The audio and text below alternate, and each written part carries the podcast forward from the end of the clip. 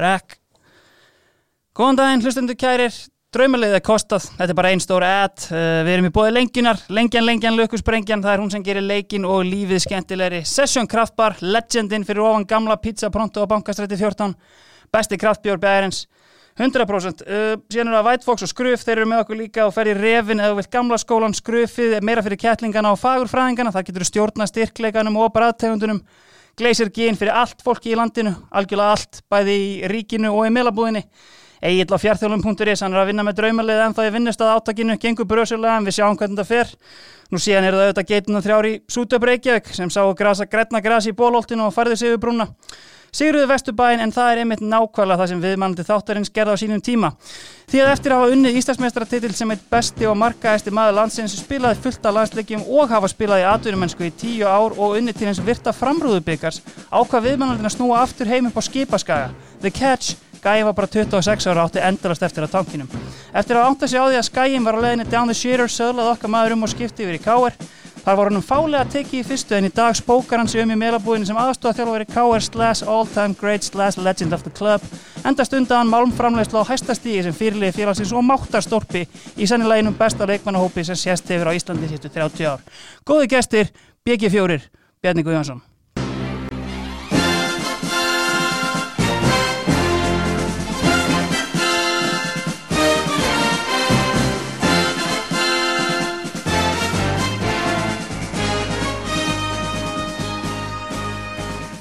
Blessaði Bjarni. Blessaði. Það er yfirþyrmandi en skemmtilegt.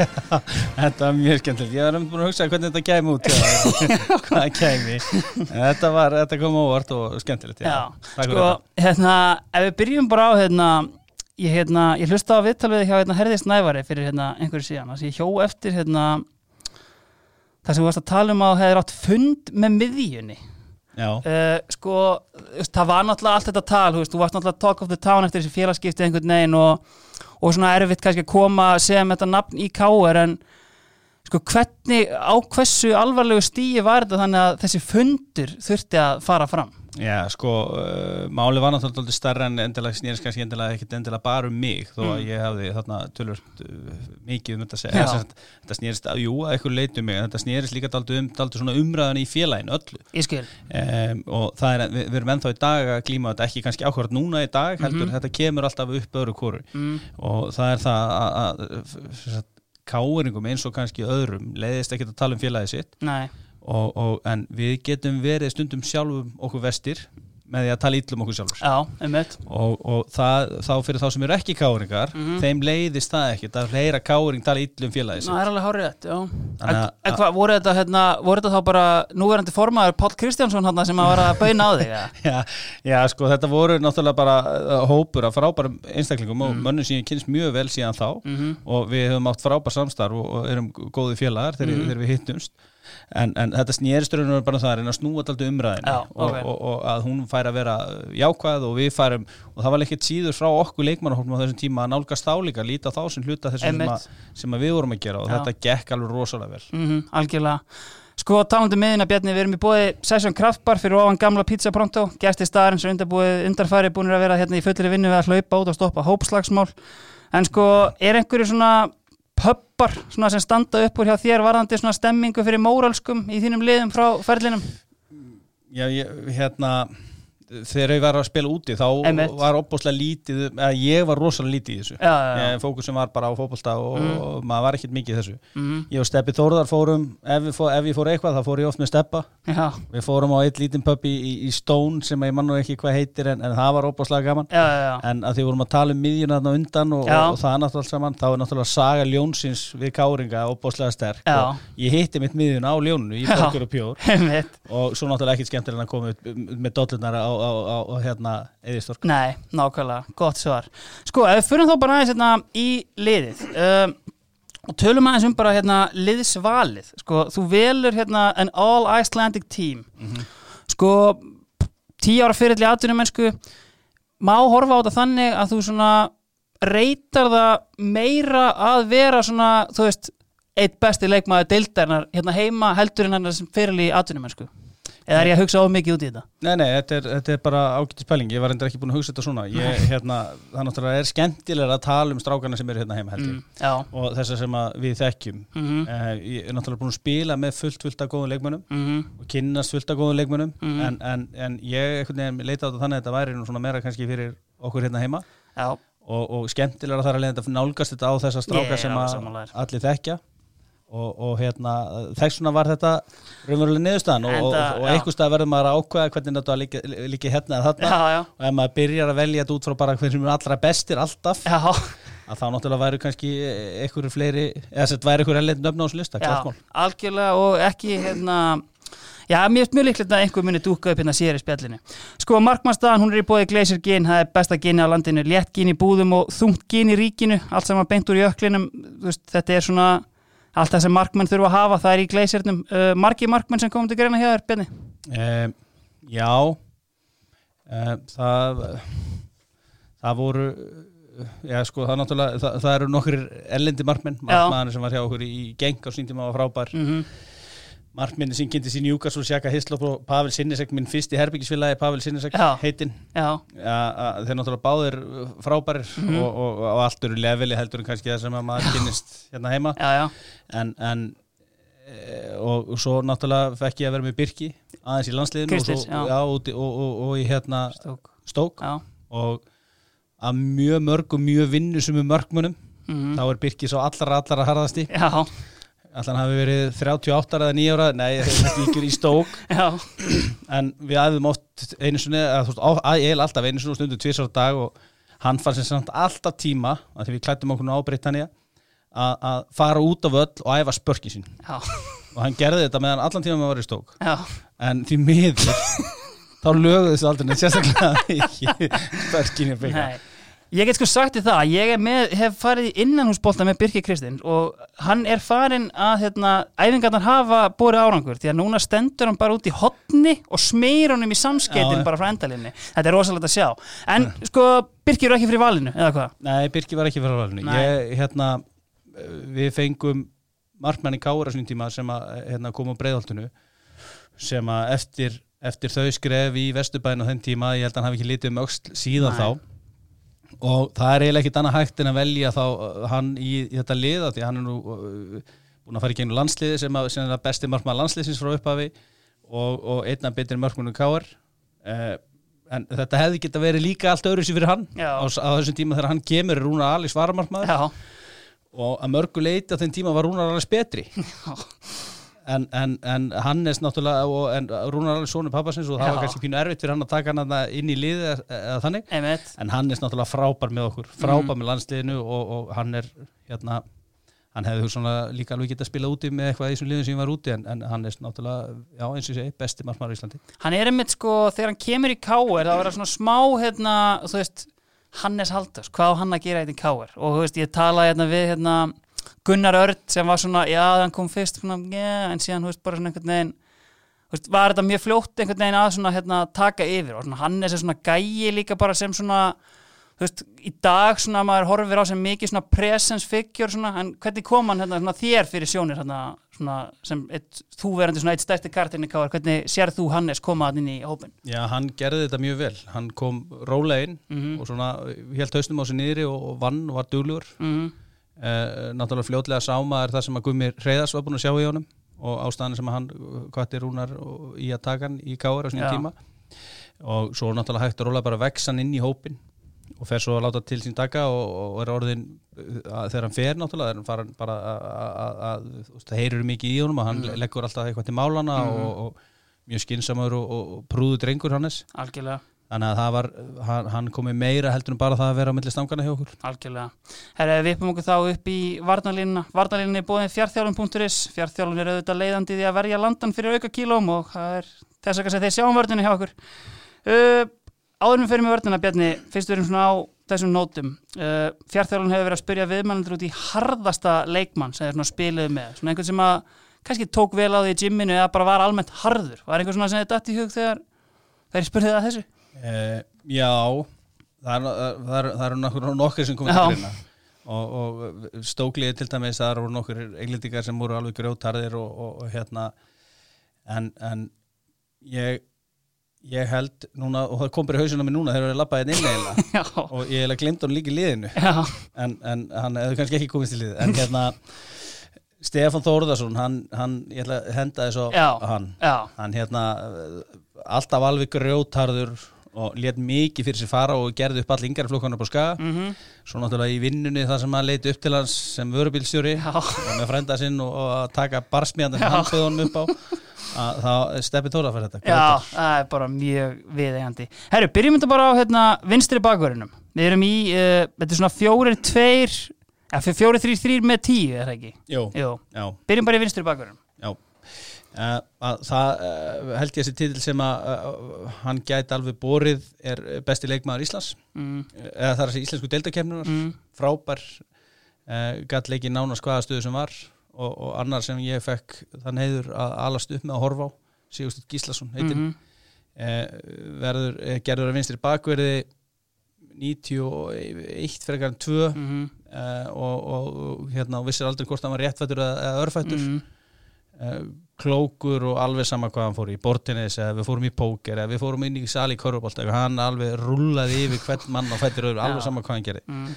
eh, náttúrulega frábær félagi og, og svona já, ég veit, veit ekki alveg hvernig það gerist en hann, svona hérna hann lána heima þá voru við með þessa aldamóta bakverði sem átti að stoppa alltaf á miðlínunni, átti ekki að fara framar mm -hmm.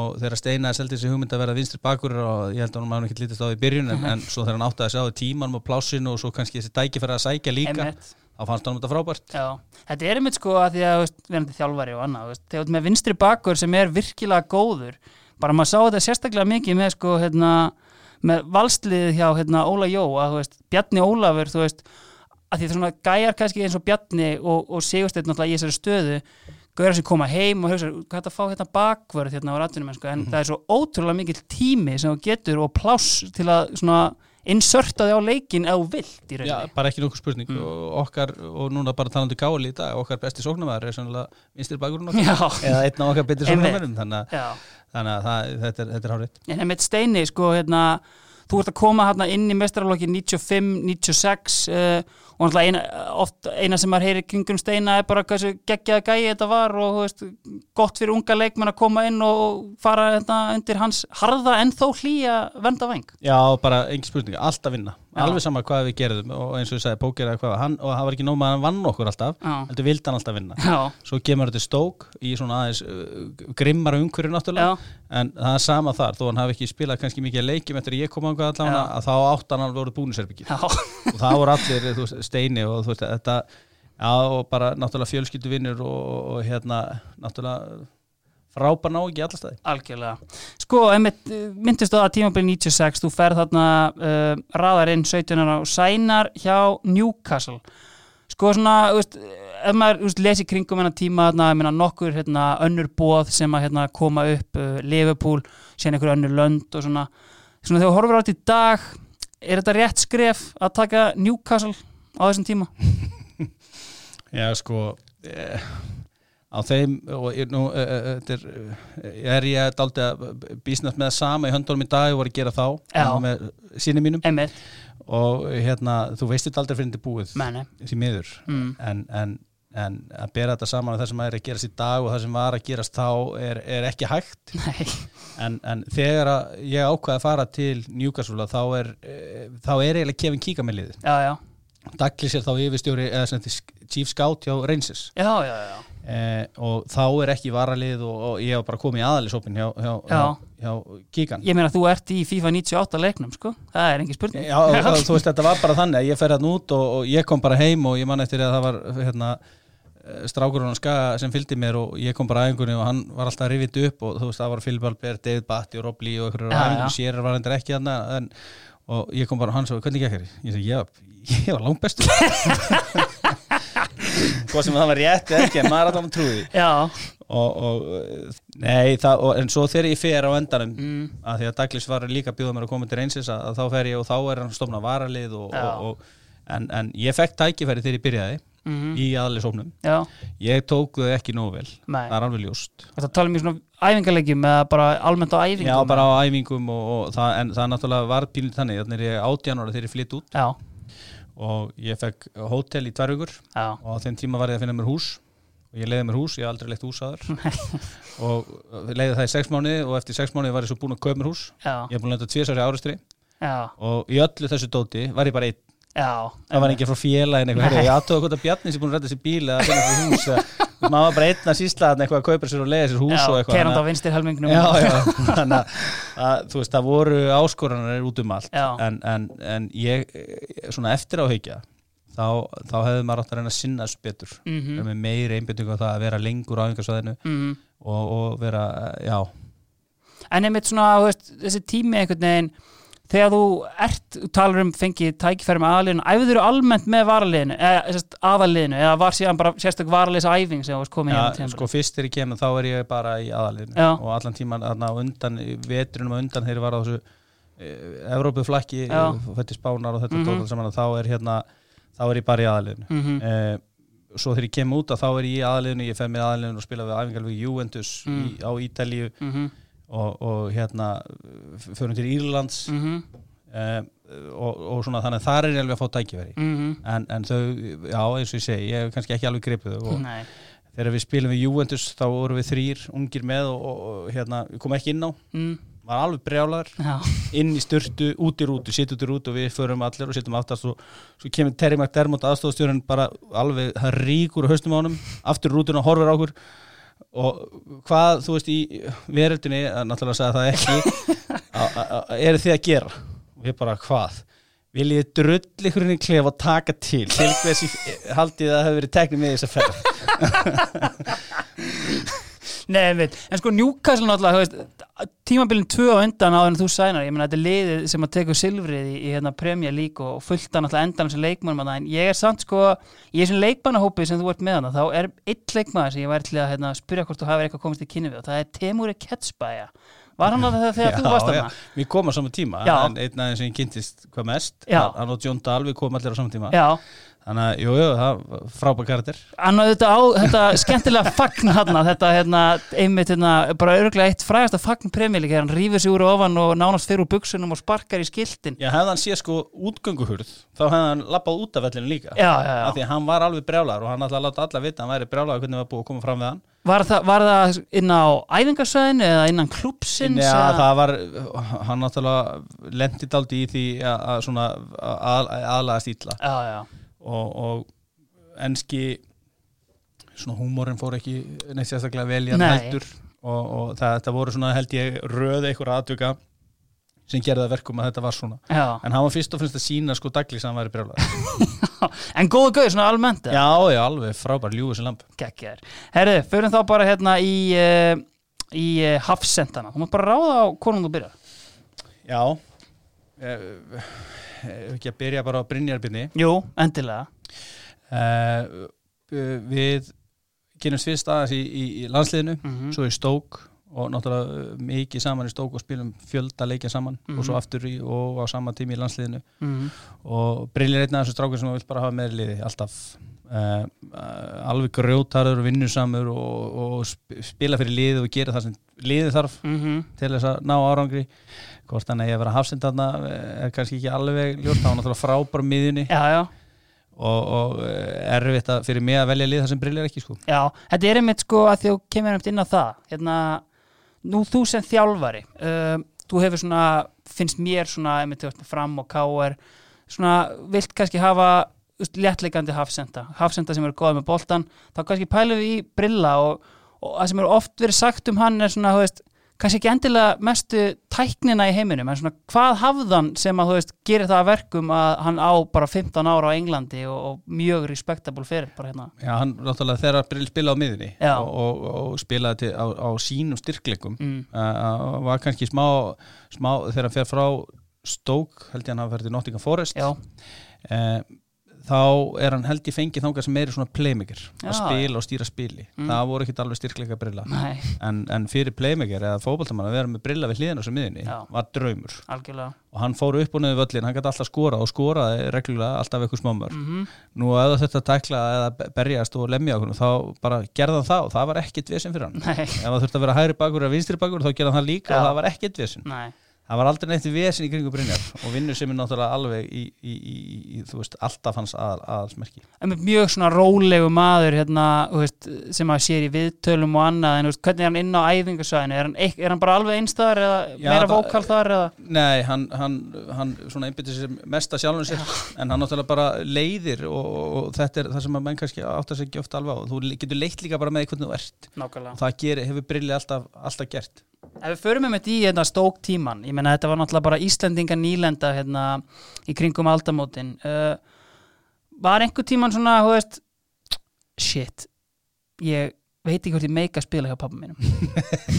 Já, oft. Hvernig svona, hú veist, þetta hérna, þegar þú ert einmitt að þetta að þú kemur til þeirra frá Genk sem að var hérna bara, voru ekki bara fínu róli í Belgíu hérna Já, í Genk? við erum meistarar árað undan. Eh, missum svo þjálfarun okkar Já. sem er svona eitthvað betur þjálfarun sem ég haf haft. Mm -hmm. eh, hann fór og tók við andilegt og mm. þá kom einhver kálfur sko sem að hérna Sjós Heiligen held ég hann hitti, kallar ræðvillin með, í, hann var með kómóver og allt rastlið og ég held að endala sagt, okkar bræðra hefur mér og Jó allan að hafa gefið sér þegar Jói þrjumæðin í hausuna og hann má misti hattin og allt rastlið sem hann greitti við skallan svona til hlýðar og var alveg brjála En ég veit þá kemur bara hérna bóðið fyrir stók og hérna þið farið þanga, ég menna að veist góður tími fókbóltalega en þú veist líka væntanlega veist, erfitt, þú veist, allt talið um hérna, hann er í liðina því að pappans er að þjálfa og allt svoleiðis, hvernig lítið þú svona tilbaka á hann á stóktíma? Já, náttúrulega þá e, vorum við ekki ja, vel í sveit sett eins og við erum núna með, eins og þennan þátt hér. Nei. eða sjónvarp eins og það var og, og, og það voru eitthvað spjallborð eitthvað staðar. Og þú forðaðist þau þá bara þá varstu fyrir eitthvað góður. Já, Já. og svo e, var maður ekkit mikið að þvælast ef Nei þeir sögðu sko að það var alltaf lægi að vera stók á þessum átakatíma því að það fljú, fljóvelar yfir borgina. Það bara, herri það búið að sprengja hérna, höldum áfram borgin náttúrulega ekki svo fallegast en, en fólki er gott mm -hmm. og mhm. allt í kringu félagi var mjög flott mm -hmm. og gott, þannig að umræðina svona leti ég þetta aldrei bara hjá mér mm -hmm. en eins og ég segi, hún var ekkert svo kannar mikil mhm. en, en frábæri tímar og, og það er ekki þetta vannmynda það að fara og spila í eins og ég, þegar við förum aðna þá erum við sko í annar eða það er að segja þriðju deild mhm en, en krafturinn og það sem að þú þarfst að geta til að spila þarna er náttúrulega það er, það er ofta tíma alveg ótrúleitt mm -hmm. allar aðstæður og liðin sem að spila móti og, en alveg svakalega skemmtilegt. Algjörlega, og ég meina kannski það sem stendur upp úr er ferðin á Wembley eða hvað? Já, það er náttúrulega tvent sem stendur upp úr. Það er það að hafa spilað eins og segir Wembley og unni framrúðu byggja e, frábært frábært tími og, og svona einna síðastu úsleikleikjunum sem voru spilaðar mm -hmm, á Vembli gaman að hafa komið ángað og fengið að lappa upp tröfpunar og, og þetta, þetta er eitt af því sem maður mann mikið eftir. Nú og svo leikurinn á Millennium þegar við förum upp. Já.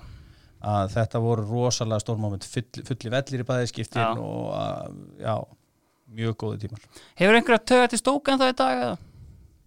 sem eh, klúps? Já, svona örlítið en þetta hefur þróast samt einhvern veginn meira þannig að töðarna sem maður hefur í fólkváltanum er einhvern veginn við personuna sem maður þekkir já, já, já. frekar en endilega félvin mm -hmm. hann er kannski meiri svona Tony Poulis maður bara svona já, já, ég hugsa alltaf um það að engi maður knúsa mig jafn átt að Tony Poulis Nákvæmlega Herru, hver er með brilla í hafsendinum? Eh, það er leikmaður sem að ég, mér finnst vera einn af okkar bestu leikmunum frá upphafi mm -hmm. eh, og, og, og mér finnst oft syndan sem ég aldrei nefndu með Þessmára og, og Áskýri Sigurvins mm. að því að það sem ég sá að, og þetta er Sigur Jónsson mm -hmm. og það sem ég sá og fekk aftur að upplefa allast upp með voru hæfileikar sem, sem að voru ótrúleir -hmm. líkamleir yfirbúri líka yfirferð á velli og svo bara gæti hann gert hvað sem var Ég er sko, ég sá hann alltaf aldrei spila á neinu viti og hérna, eða þannig séð sko, en þú veist klippur og holning og annað þetta er bara mm. svona íslenskur Patrik Viera Já, basically. er bara nákvæmlega svo list Er það ekki? Jú. Og hvað, þú veist, en það sem maður hugsa líka, veist, ég er, hérna, þú veist, ég spila á mótunum sko í, hérna, fjóruðdeldinu og annað sko, þess að það sem hann var að þjálfa og ég er eiginlega bara hrættu við hann sko. en, en, þú veist, var hann með þennan faktor líka, þú veist, þegar þú ert að koma ungurinn í skagali eða, þú veist, var hann, hérna, góðu peppar eða hvernig var hann að æfa með honum? Já, alveg frábær mm. og hann er frábær í klefanum, hann er frábær á æfingum mm og, og hérna auðvitað gæti hann alveg verið þungur einhvern veginn inn á millu og eitthvað svona en hann var yfirlt alltaf hress og gátur mm. hann hafði annað eins og Óli Þórðar og Siggi og Steini Gísla og Alli Högna Já. og svo Óli Adolfs þegar hann kemur að þeir vildi aldrei tapa Já. og þarna var alltaf skipt ungi gamlir Já. og það var bara, þú veist, þeir unnu bara alveg sama hvað það þurfti að gera og, þeir, og, og þú veist, þannig að það, við fengum gott uppbyldu skóla hjá þessum mönnum og, en hann, það sem hann náttúrulega hafði líka bara voru þessi ofbúslega hæfileikar. Þessi ofbúslega sendingageta mm -hmm. og svo þessi óbillandi kraftur og trúa það og vilji til að vinna. Algjörlega, Siggi Jóns auðvitað kefti til englandsmeistara Arsenal á sínum tíma. Algjörlega byggaróður, vann endalista titlu með skaganum og var í einhver 30 ár yngsti leikmaður til að spila kvalifær fyrir landslið, þángar til að já, Martin Öðegard tók þann titil en það er ekkert í rauninni hægt annað en að velja Sigga Jóns sem ref draumaliðsins í bóði White Fox. Sko, ég er með annan hafsendina á bladi uh, í Plymouth uh, getur ekki verið að hafa að spila með Taribo Vest Jú Ég spilaði með Tarbo Jú, ég spilaði með hann, hann einna, Einu leikmæður sem við til, tilgiti sjálfum sem alltaf áðan að koma inn í klefa. Já Það var í Blimóð elgum, elgumul elgamalt búniserbyggji og gumul stúka þar sem við vorum og við löpum alltaf í gegnum sem það sem að kittmannin var eða búningastjórin í styrtuklefan og svo komst inn í klefan og hann kom í styrtuklefan þá heyrðist það bara alltaf Tífest þannig að bergmálaði í styrtinni og hann tilkynnti sjálf og sér alltaf þennan komin En góðu gæi, svona, þú veist, hérna, almennt, gaman að vera í kringum hann eða? Já, já, já. fítn, en hann gæti ekkert í fólkvölda Nei, hann er bara, hérna, endist bara hann í Plymouth í tvo mánuði Já, hann var líka bara, sko, uh, ég veit ekki hvað hann sagðist þegar gammal hann, sko já. En hann var að minnst ekkert 15 ára en það bara, þú veist, einmitt, ekki gæi sem þú hafst séð fyrir þér spila bara með Inder og í góðan game eða? Nei, ekki, ekki, ekki og við sáum hann þarna. En það er má segja það með mig í dag. Veist, Það er ekki margir sem myndi halda að ég hef spilað eitthvað úti í dag. Nei, einmitt. Herru, uh, hver lokar þá vörninni?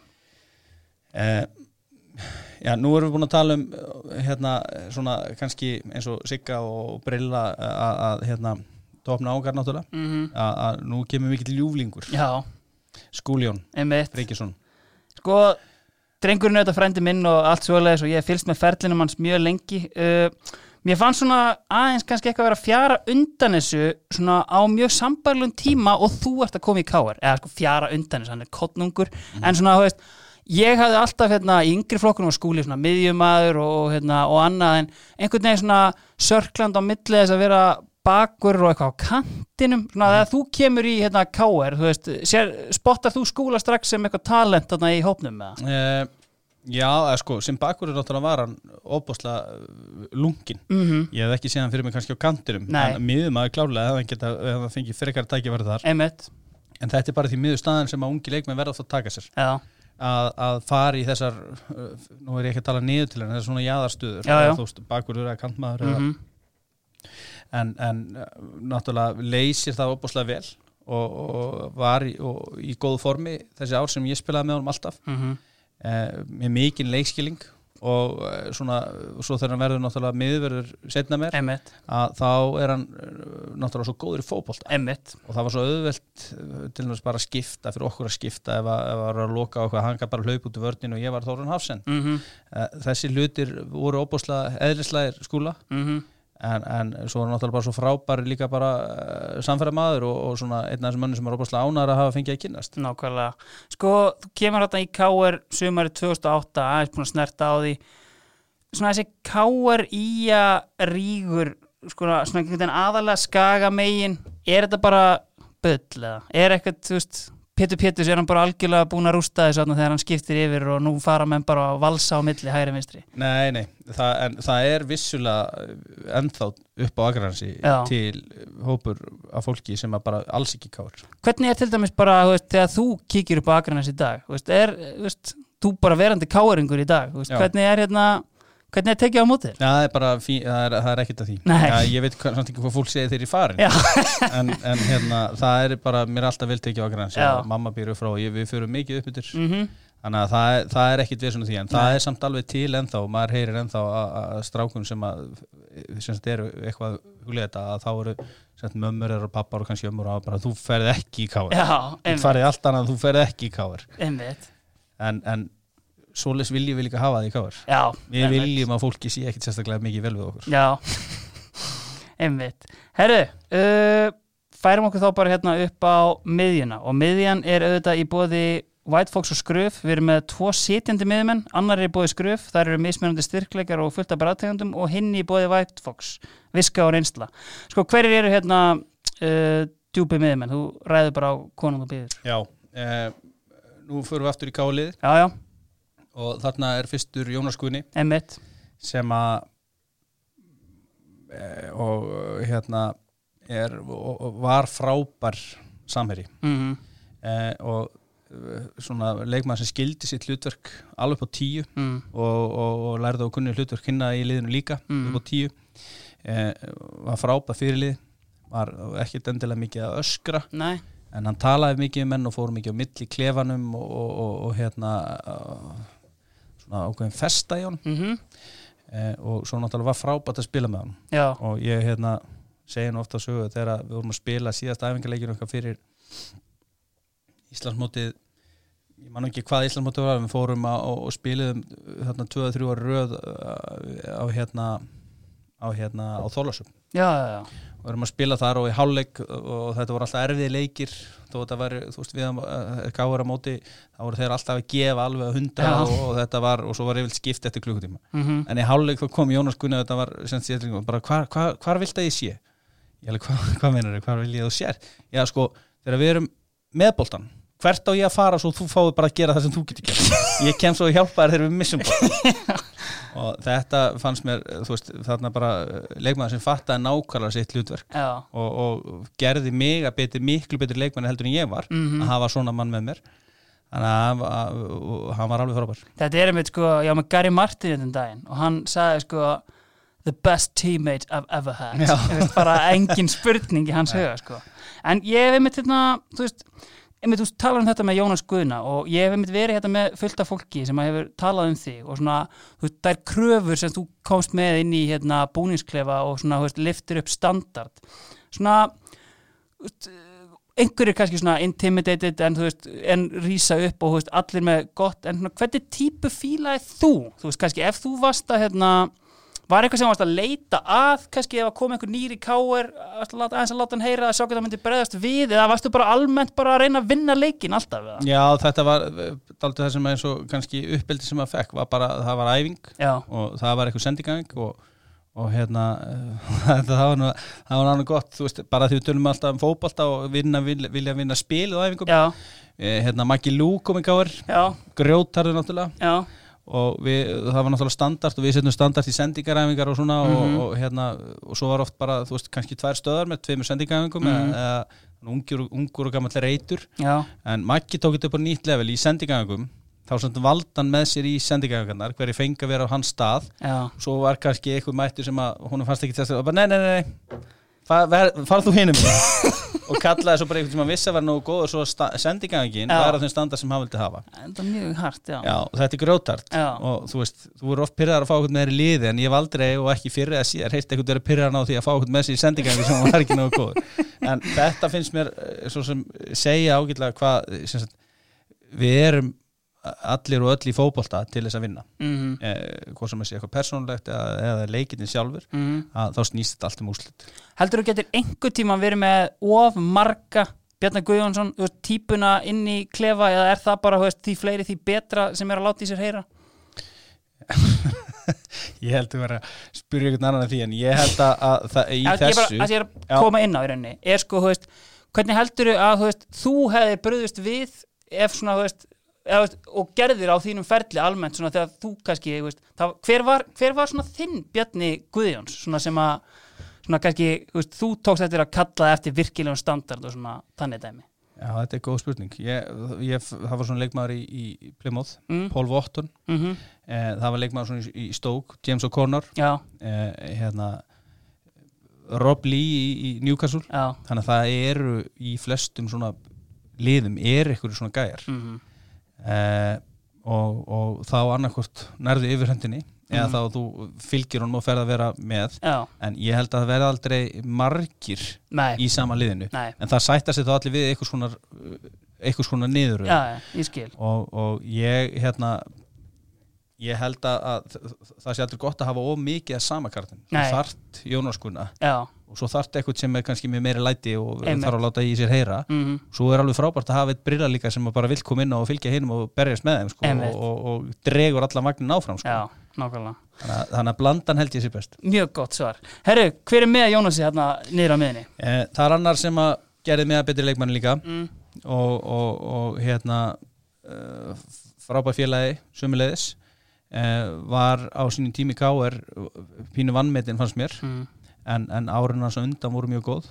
Og þetta er Viktor Björki eh, spilaði nú oftastur framan okkur.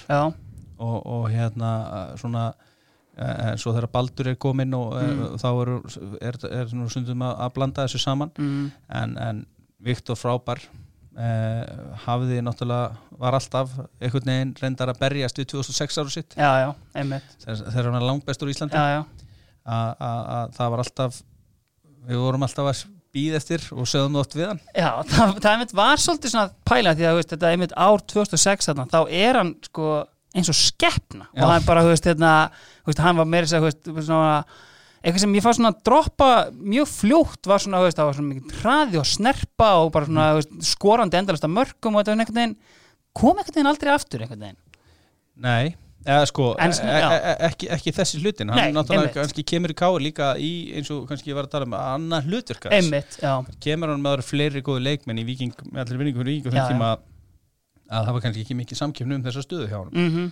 en, en þarna kemur hann inn í hóp og hann skilur heldur betur eftir sig gott starf mm. og, og eins og ég segja hann, hann, hann náttúrulega vélinn í Viktorberga var ótrúlegt Já. og eitt best pressandi miðum að það sem ég kynst mm -hmm. það var bara hérna kannski eh, að því að sko það var bara, það var svo þægilt og hann, og hann eins og ég sagði, gerði mig betri mm. að því ég gæti ofta ekki alveg pressaði upp stíft og kannski hann og Baldur eða, eða Jónas Gunni, ja. að þá hljóf Viktor bara fyrir mig Emmett.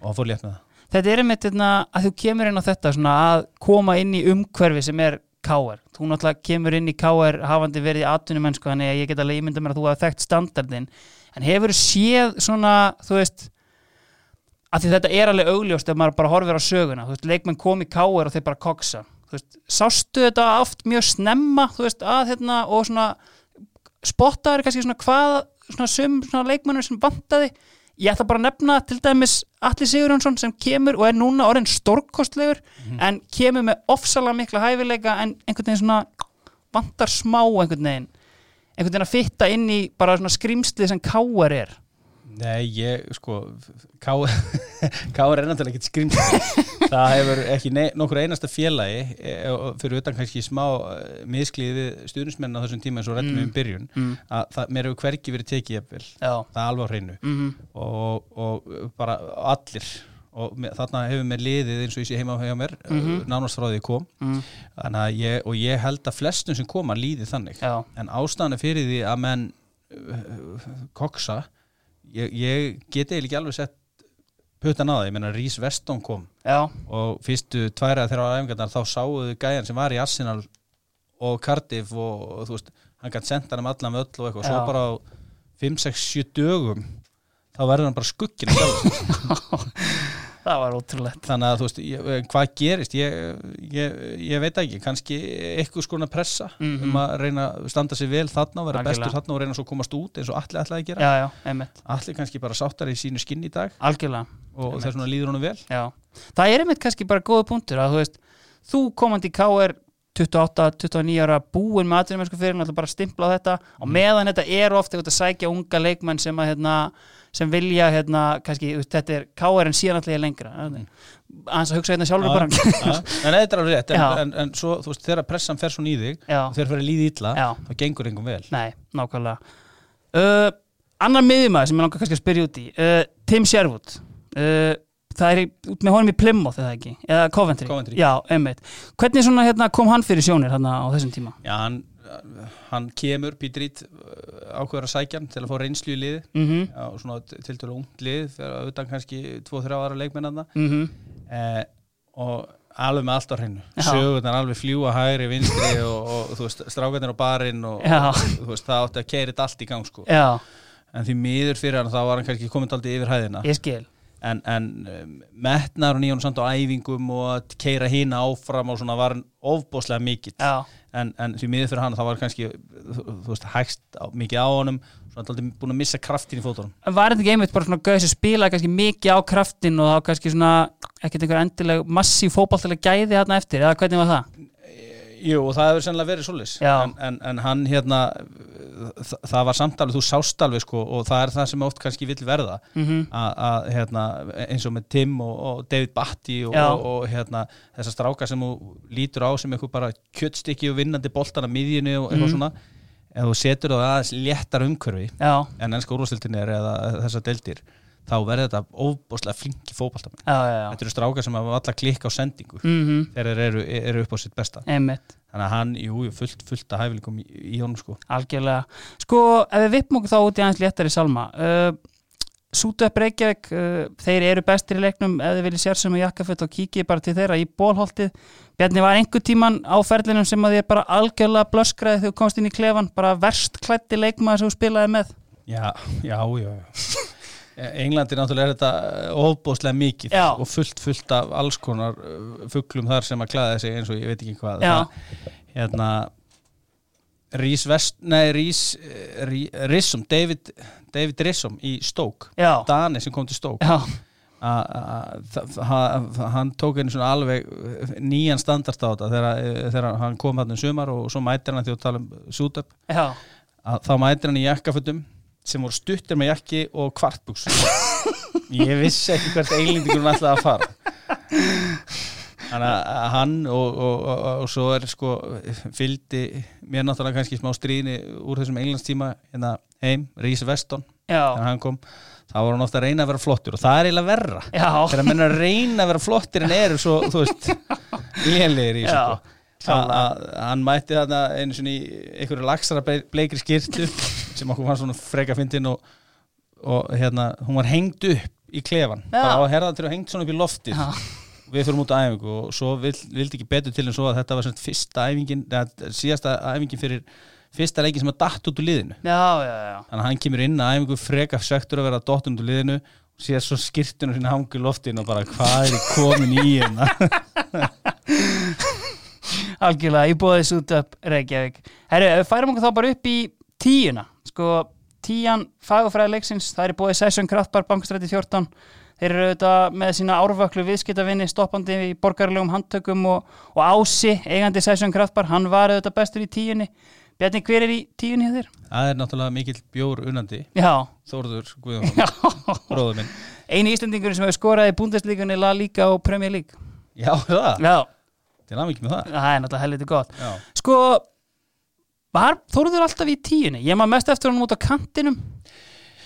Já, hann, sko, hann var náttúrulega sendir fyrst Já. og hann fyrir út til Bochum sem, sem sender. Mm -hmm. uh, og svo svona færist hann aftar. Þegar hann í geng, þá var hann settur í tíuna í geng uh, leysið það óbúslega vel, náttúrulega óbúslega fljótur mm -hmm. mikið leikskilning og, og, og, og hérna. En samt svona skróari tíu heldur en kannski tíuna sem við þekkjum í dag. Mm -hmm.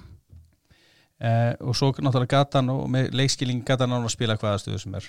Áskir El heitin settan sem hæri bakur held ég. Mm -hmm. hann er vildi spilandi bakuri hann er rúni og hann var ofta að henda þessum betri fókbaltumönnum í bakurinn mm -hmm. uh, það var bara undan sinni samtíð. Þeir föttu ekki alveg út okkur hann var að gera þetta en, en hérna uh, Dotti er þarna í liðinu að við erum búin að fara víða saman við náttúrulega vorum saman í Geng mm -hmm. og í Bochum mm -hmm. svo í landsliðinu mikið og, og hérna svo náttúrulega upp á Skaga líka mm -hmm. þannig að ég e, frábær samir í og, og bara e, hjálpa mér náttúrulega með bara svo búslega margt e, og svo eins og þú segir þessi náttúrulega þessi tölfræðins, ah, hún, hún lígur ekkert. hún er ekki dregin upp á fjörugröðin eins og einhver saði sko, hérna ef við förum þá bara aðeins í þetta hérna, náttúrulega átakanlegt að hérna, eitt bróðurinn er hérna, aðrir ekki. Uh, sko, Þóruður náttúrulega hérna, aðeins eldri en, en þú og Jói. Var, hvort, var þetta svona, veist, var þetta fyrirmynd eða svona, veist, eða svona djúvillin er hann að standa sér vel ég mun aldrei ná að toppa þetta Nei, hvernig var þetta? hann var fyrirmynd Já. ég uh, hugsa ef að hittið ekkert um að koma upp þá að það verið millir mín og Jóa Einmitt. en við erum svo nála ekkur öðrum að þegar ég fyrir út af Jói skömmu setna Já. þannig að Dotti var alltaf meiri, meiri bara eh, fyrirmynd Já. en einmitt ef við förum þá bara út í svona Já, þennan rík milli ykkar Jóa sem er svona komast í hámæli núna í fjölmiðlum og annað sko, þú veist, var þetta, þú veist, bara hérna slegist allan daginn bara ég er betri en þú, nei ég er betri eða, veist, hvernig svona, veist, heldur að þetta sé eitthvað sem getur kontribjúta bara svona hversu langt er náðu báðir þessi ótrúlega samkeppni? milli ykkar? Já, engi spurning að, að það hérna, hefur hjálpað okkur áfram mm -hmm. og við náttúrulega fórum, það var aldrei bara út að leika sér einhvern veginn í fókbólta, það var alltaf einhver keppni Já. og það er raun og verið ennþá, ennþá svoleiðis og það endaði nú mjög oft og sennilega er alltaf ég á sprettir minn með jó á hælunum að það brjálarið hafa verið að tapa fyrir mér. Þannig að það, það var óbúslega mikil kraftur í okkur. Já.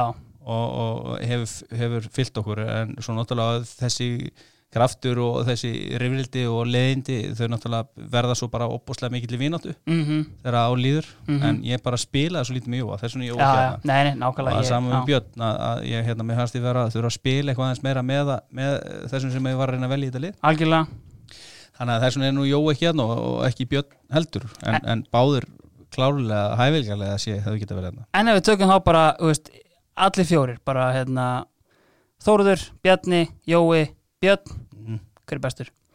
Eh, við hefum voruð frábæð leikmaður einn þá við fengið svo mikið að hérna, hæfileikum frá okkur öðrum eh, en hérna ég held að allir höfu við hæfileika sem að eh, skara fram úr einhver starf ef, ef þetta er svona eitthvað svona Svona kurvu, já, já, dregur hérna alveg út í ringin Já, þá erum við saman en, en, en ég held að þessi erfitt kannski bera okkur mikið saman mm -hmm. Jói var til dæmis ofbóstlega grimmur ósérlífin miðmaður mm -hmm. meðan að Dotti var þarna fyrir framann og skóraði mikið að mörgum, mm -hmm. eiginlega gegnum allan fyrirlin mhm. og ég var kannski aðeins aftan, ekki alveg ósérlífin og Jói mhm. og kannski meiri að drefa spilinu og svo vart með stóran og staðilegan og frábæran target center. Já, algjörlega. Þannig að það, ég held að síðan pínu ósengjart að bera okkur einhvern veginn ein saman. Algjörlega. En ef þú ættir að gera það, Já. þá væri ég náttúrulega Nákvæmlega. Sko, en ef við snertum um þetta á því að þú náttúrulega kemur upp bara, þú ert upp á topp eða ekki, 96 Jó. og fer til Newcastle sem framherji. Hvernig er það sem að þú ferða hérna að kanna nýja slóður á vellinum og kannski hættir hérna upp á topp? Ég held ég að lesa eitthvað viðtal við það sem þú talaður um sko á miðju síðan á það 96 að þú hafði náttúrulega verið þannig að skora neitt sérstaklega mikið í yngri flokkum og eitthvað svoleiðis Nei, ég náttúrulega var ekki e, sendir þeirri fyrir meistarflokk Nei. E, Ég er svona fórdaldi í þar stöður sem við þurftum á að halda til að reyna að vinna einhverju leiki þannig að ég er svona ákvæða þetta aldrei sjálfur í yngri flokkunum hvert ég myndi fara og hendi þá okkur fram og tilbaka hvernig sem það var. E, Fæði svo tækja fyrir 96 mm. en, sko hjá Loga 95 fyrst og, og svo 96 sem þá kantmaður í 4-3 mm. eða mhm. þá annara 2 sendir með 4-4-2 og spilaði með Bíbers þar en það er nú svona fyrsta skinn sem skor eitthvað eitthvað ráði mm -hmm. eh, en, en fram að því þá, þá hérna voru engið sérstök mörki með sko Nei. og síðan er það bara kannski þú fer til geng strax sem á svona, þú veist, einmitt shiftar hérna út á á kantinn, kannski Já. meira og bara jafnvel í vingbakka við spilum, spilum þrjáfund tvo þar mm -hmm. Ga gamaldags með svíper tvo mandekkara sem ég hef ekki séð síðan Nei. og svo var ég vangbakkurður og Dotti var í tíunni Já. með tvo frábæra frammerja fyrir fram að sig og, og, og þannig, þannig var maður bara línu línu mm -hmm. og, og þannig lærði maður að krossa daldið og hérna sparkalmæli í bóltan Algjörlega, sko framherðin sem þú talar um hann uh, ekki það uh, Branko Strúpar eða. Hversu góð var hann? Hann var frábær, Jú, hann var ótrúlega, ótrúlega lungin en, en hann, hann fór óbúslega vel með þessa hæfileika sem hann hafi að hann var ekkit svakalega fljótur. Nei. en hann var með frábært fyrsta, fyrsta döds og svo slúta hann alveg rosalega vel. Já, fór þetta til Darby, kannski svona náði sér ekki alveg á streik sko en, en einmitt gott nafn sko. En svo var sko Súliman Úlari með honum já, já, sem kom til stók Einmitt. Og hérna Rikki Dada sagði nú að það var ákveðin, ákveðin lágpundur á ferlinu þegar hann, þegar hann var tekin útaf fyrir hann. Af því að hann var sett með blóðtappa Já. og hann það hefði verið tekin útaf fyrir dead man walking. Nei, en síðan var náttúrulega hérna ég spurði Jóa líka út í það því ég fekk henni í þáttina en hérna, pappan Stívok og Ríki spilaði með ykkur hérna í, í geng Mike, Mike Little hvernig, hérna, hvernig var hann í, í leiknum? hann var eh, hérna jafngóður og svona nei, nei, nei, það var ekki nálægt hann var náttúrulega ekki jafn sterkur. Hann var svona langur og mjór og, og við keftum alltaf um stöðu þarna úti sem vangbakverðir mm. hæra megin og svo fór hann inn á miðuna líka og, en, en óbúslega ljúur og góðu drengur og mitt, uh, hann hérna juniorinn var hann að þælast alltaf í kringum hann og eitthvað, jú, jú. hann var útbyrstjóri í Emilandinu, áður hann var aðtunum að vera í hjá geng Öðvita Herru, uh, við okkur þá að fara upp í hérna sóknarlinuna, það er lengjan sem ræður ríkjum þar, en svona áður en við komum að sóknarlinni þá hefur lengjan uh, með sína skattfrálsu vinning á nýja appið sitt, þeir hafa verið að spurja út í eftirminnilegasta leikin frá ferlinum. Hvaða svona leikir eru helstuði sem komið til gerðinar? Snertan á einhverjum en einhverju fleiri sem að hérna, þetta er í hug? Já, já, það eru þessi tveir í, í, Englandi sem voru óbúslega stórir og skemmtilegir og flottir og gaman mm -hmm. að vinna. Mm -hmm. Uh, og, og, en, en ég held samt að leikurinn sérstaklega kannski svona hvernig sagan hefur uh, þróast eftir það Já. að leikurinn på skaga 96 Já. hann er einhvern veginn uh, einhvern veginn mjög sérstakur mm -hmm. við vorum að spila þarna við Káar og, og þarna vildi maður ekkert meir en að vinna Káar mm -hmm. og þeim næði í aptepli Já flugu Ása Haralds heim frá bandaríkjum til að hafa hann á bekknum það ringdi eld og brennist innan það tveim dugum, tve, tvo dagi röð bara fyrir leikin og svo við vöknuðum hérna á held í sunnundasmotni að, að það var bara sól og blíða með öllurum frekar þungur en, en, og, og náttúrulega þetta áhörunda met og þetta allt saman sem mm -hmm. er mhm. óvist hvort það verið sleið sko. en, en sáleikur er Já, hann var, hann var ótrúlega skemmtilegur. Það var einmitt að tala um þetta að við ringt endalast ég fekk Gulla Jóns hérna og hann talaði um að þá hefði masterclass pappaðins komið í ljóstæðan herði, regning, steini gísla á miðina með en það er einmitt, veist, en þetta, veist, einmitt hafandi séð margt og farið í tíu ári aðtunumennsku, samt stendur þetta upp úr, veist, kannski er þetta einmitt bara svona tittarnir sem að vinnur heima fyrir sem er alltaf sætastir, eða? Já, þetta einhvern veginn er persónulegra. Já, einmitt. Uh, Þó að hitt vissulega sé frábært og, og það að fara upp um deild og vinna playoffs mm. var eins og höfum vunnið deildina. Já. Ég vil ekki vilja vinna deildina og missa þessu. Já, allan ekki landi í öðru sæti deildinni. Það er örgulega Já, Já. en þarna farið einhvern veginn keppni og svona úslita keppni og svo bara farið byggar og allt og, og, og þú veist fullan við öll og einhvern veginn. Einmitt það er hérna og það var óbúslega skemmtilegt en þessi, þessi leikur og svo er náttúrulega eins og þú segir, títlanir og, mm. og sigur ganga með káar Já.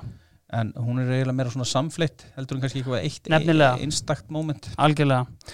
Sko, uh, við uppum okkur þá bara upp í hérna sóknarlinna uh, lengjan uh, kominu áðan, þetta er allt saman skatt frálst og, og nýtt app og lengjan hefur aldrei verið betri málum, styrkir náttúrulega íþrótastarf eins og aldrei fyrr þeir henda á bladi nokkrum áhugaverðum kandidatum hérna í kannski svona fremstu þremur stöðunum.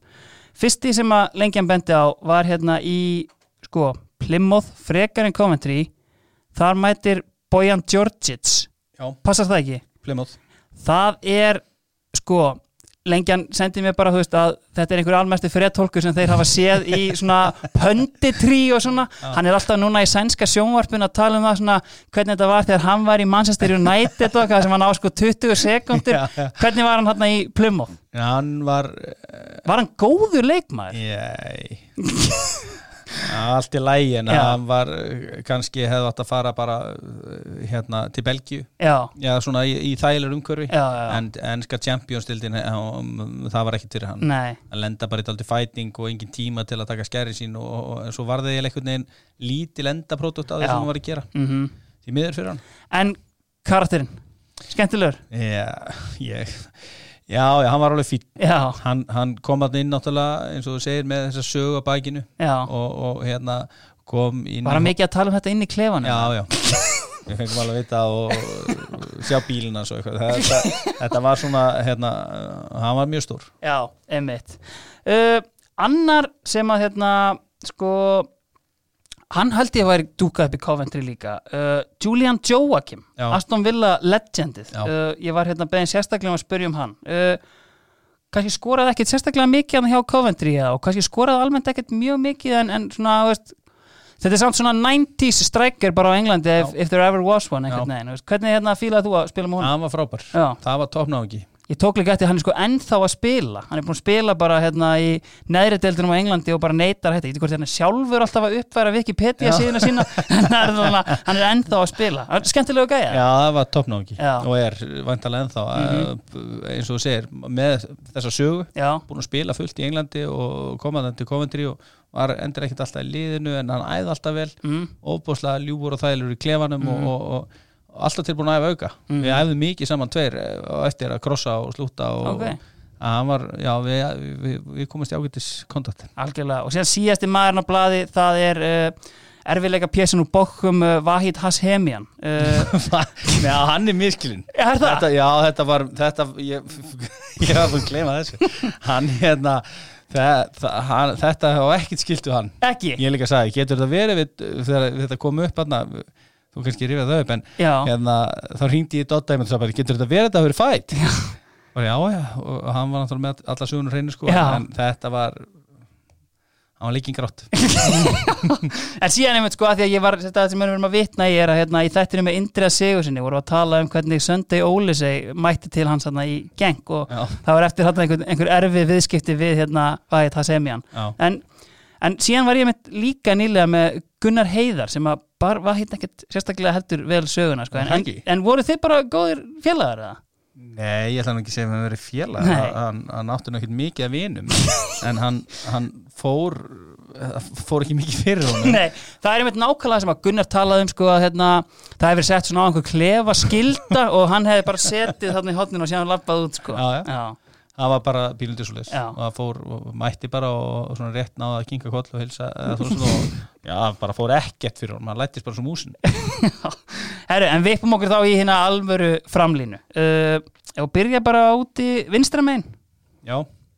Að þar er leikmaður sem ég fengi þá ánægu að bæði spila með og, og, og hérna í góðan tíma og, svo, og þjálfað. Mm -hmm. og svo aðstóða þjálfað. Óskar Örd Emmett, sko, veist ég er búin að tala um Óskar Örd svona 500 sinnum ég veit ekki hvað ég á að segja lengur en svona, veist góð spurning er svona bara, veist sástu þetta fyrir, svona einhvern veginn að því að hann var bara svona flinkur leikmar hann þegar þú kemur í káar mm.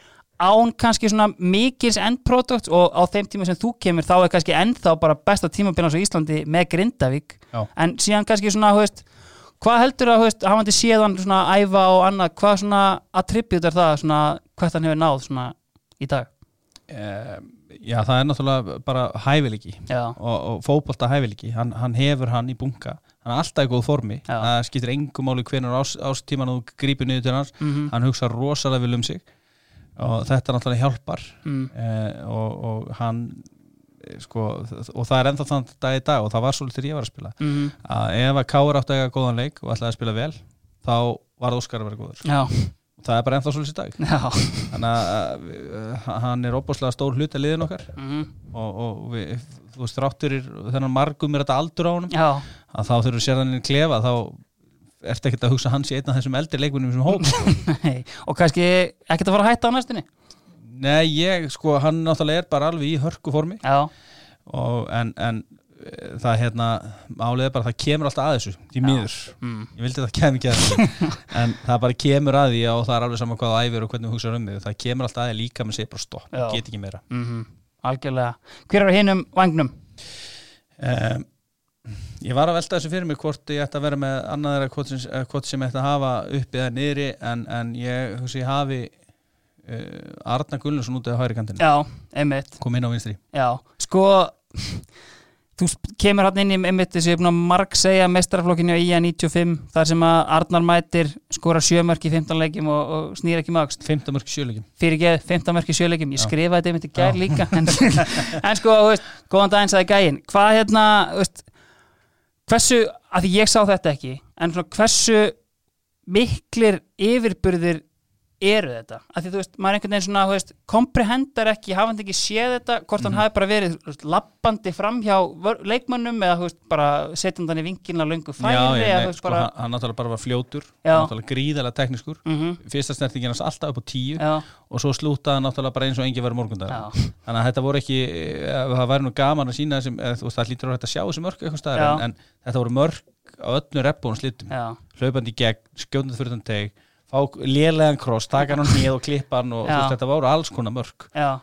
þannig að hann, hann var alveg með ólíkindum góður og Bjarki var ekki síður í þetta tjempl hann var reyndir reyndar held ég aðeins einhverjum meðslavandar mm -hmm. en, en þeir sama náttúrulega bara liftu þessu upp og það var ekki synda þetta ára félagi fær ekki lengra í Európa Já, það er einmitt þessi sorglegi leikar hérna mútið reyð þróa sem það ekki, sem að hérna, klúra þessu algjörlega. En það er oft talað um Arnar einhvern veginn svona, veist, ég veit ekki hvort það er bara svona típan sem hann er veist, þetta er svona, það er smá svona David Beckham vibe í því svona hvernig hann er og aktar að svona kannski þessi raunverulegu hæfileikar sem að voru að gleymast að einhverju leiti upplifur kannski eitthvað að því að veist, hann er aldrei umræðinu um neitt, veist, kannski nema bara þetta hérna, 15 mörki sjö leikjum en mm -hmm. síðan, veist, er þetta gæðan sem á bara feril og spilaði Premier League en hann er líður samt eins og hefði kannski geta gert aðeins meira með að við þetta til dæmis. Já, alveg öruglega þessi gæði sem kom på skaga, Arnar að var á hérna þriðið að fjórðast í afnýttunum það að vera að missa hárið og hérna þar að lenda var hann að sapna hári Já. og uh, fagur kýrar og þeir báðu bræður þessum tíma Já. og eru ennþá en það var aðeins dreig úr því þeir eru kannski aðeins með fókusi meira á því sem raunverulega skiptir máli. Og Arnar þarna 95 horfandi og Arnar sem var í, í hérna, daginn í Galabusum og leði eitthvað begnum Hei, ég hugsa hann eða ritt hausinu aðeins. Nákvæmlega. En við lærum allir að þessu. Mm -hmm. og eins og, eins og ég saði í byrjun að þú veist ekki fyrir hundi búið mm -hmm. hvað það hefði betur átt að gera. Já, en Arnar stút fullur að hafa líka Algjörlega, sko ef við veitum okkur bara aðeins í hérna sem ekki snerta á, kannski svona landslýsfyrirliðin um, þú skorar hérna þitt fyrsta marka mútið Lichtenstein, ég í stúkunni og hafði miklar vendingar en síðan einhvern veginn svona, þetta eru 23 landsleikir á mm 13 árum eitthvað, þetta er svona stópult og veist, hvernig upplifir þú svona, veist, ef þú horfið tilbaka á þinn landstinsfyril, hvernig svona veist, eitthvað sem það vilja gera öðru í sig eða ósáttur við eitthvað e, Já, ég var náttúrulega alltaf ósáttur við það að fá ekki spila já. og ég var ekki nokkur meinast að góðu varmaður Nei. og það er kannski eitthvað sem ég hef átt að læra mm -hmm. og uh, læra og, og hérna sætta mig kannski meira við hlutverkið já, já, sem þá, þá varmaður ef það var hlutverkið á mm -hmm. mhm. tíma en ég vildi alltaf einhvern veginn vera að spila Já. og fá starra hlutverk og vera meiri þá, þáttakandi mm -hmm. ég var náttúrulega fullt af það var fullt af öðrum verkefnum heldur en þessi 23 leiki sem ég spilaði, það var fjöldinu leikin sem ég fekk ekki að spila. En, en það, ég hefði viljað fá starra hlutverk Já.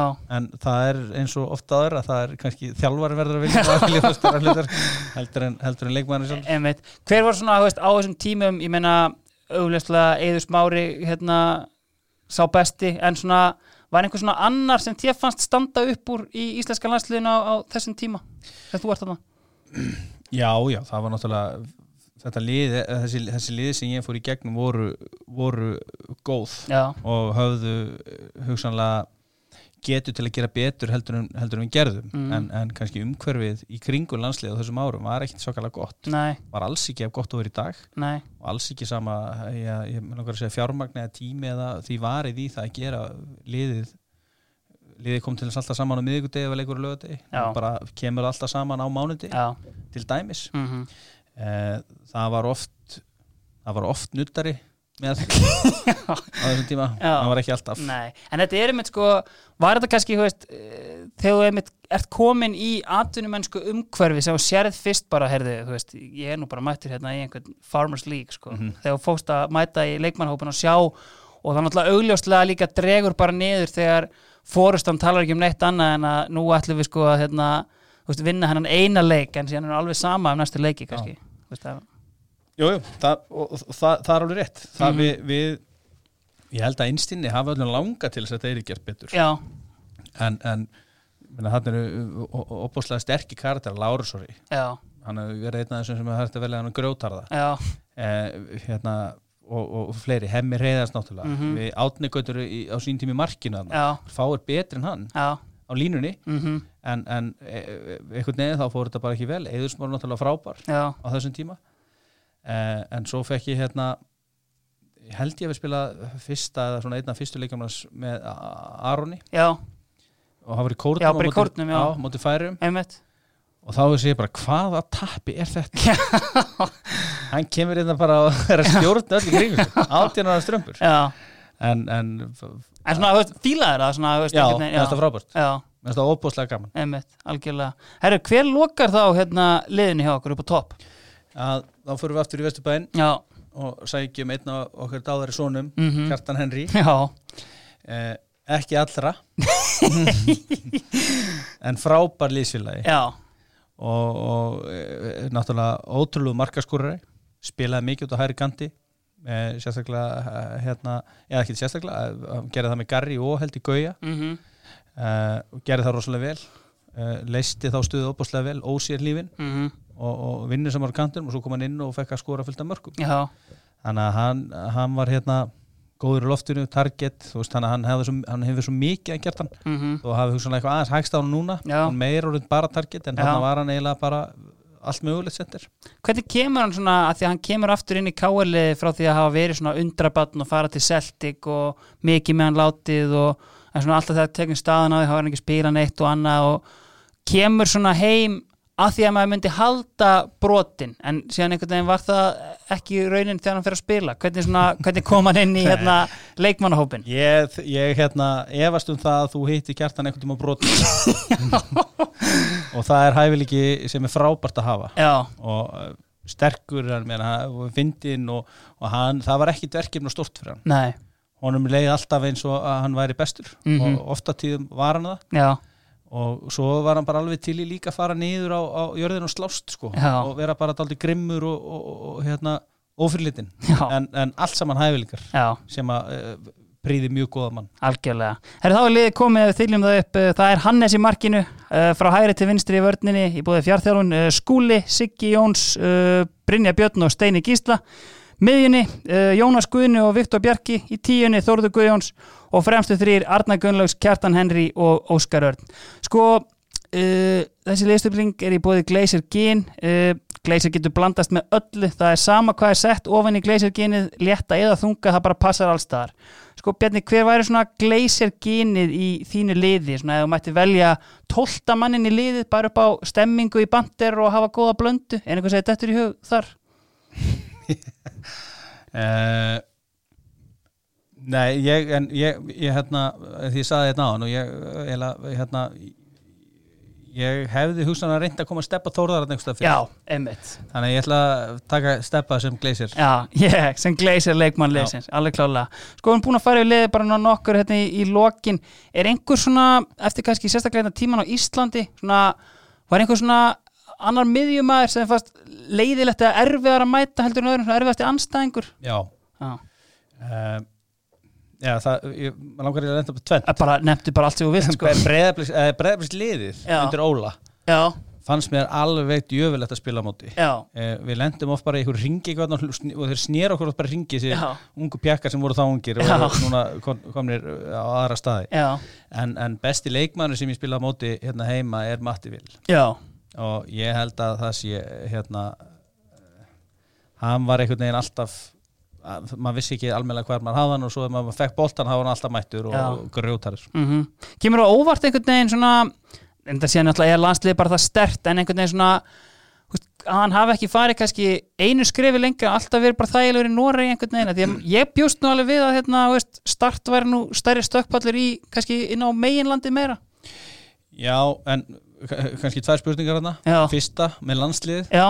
þá kemur það mér virkilega óvart. Já, af því að Matti er einn af þeim sem að er, er liðsmaður. Já, og nú þekki hann ekkit neitt þannig að bara þessi leik, leiki sem ég spila á mótunum. Já, hann virkar á mig eins og liðsmaður Mhm. og, og ósér lífin og hann getur eins og kannski aðrir farið og spila hæri bakur eða vinstri Já. kant eða hann getur verið target center. Emmitt, hann var djúpur á miðjustundum eða í tíun eins og hann er núna. Já, þannig að óbúslega fjölhaf leikmaður. Mhm, og ég myndi held að, í gegnum þessi síðust ára, hann hefði kannski búin að missa lestin núna, Já. það hefði frábært að hafa hann alltaf í hóp algjörlega, emmitt.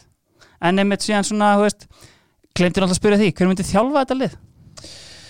uh, ég, eh, það hérna ég myndi þá þurfa að velja þann sem hefur verið besti þjálfari minn yfir þessi, þessi, þessi tímambil sem ég hef Mhm. spilað og ég, það eru náttúrulega nokkri mjög góðir Já, en ég held að Rúnar sé eh, bestur í því Já. sem hann er að gera.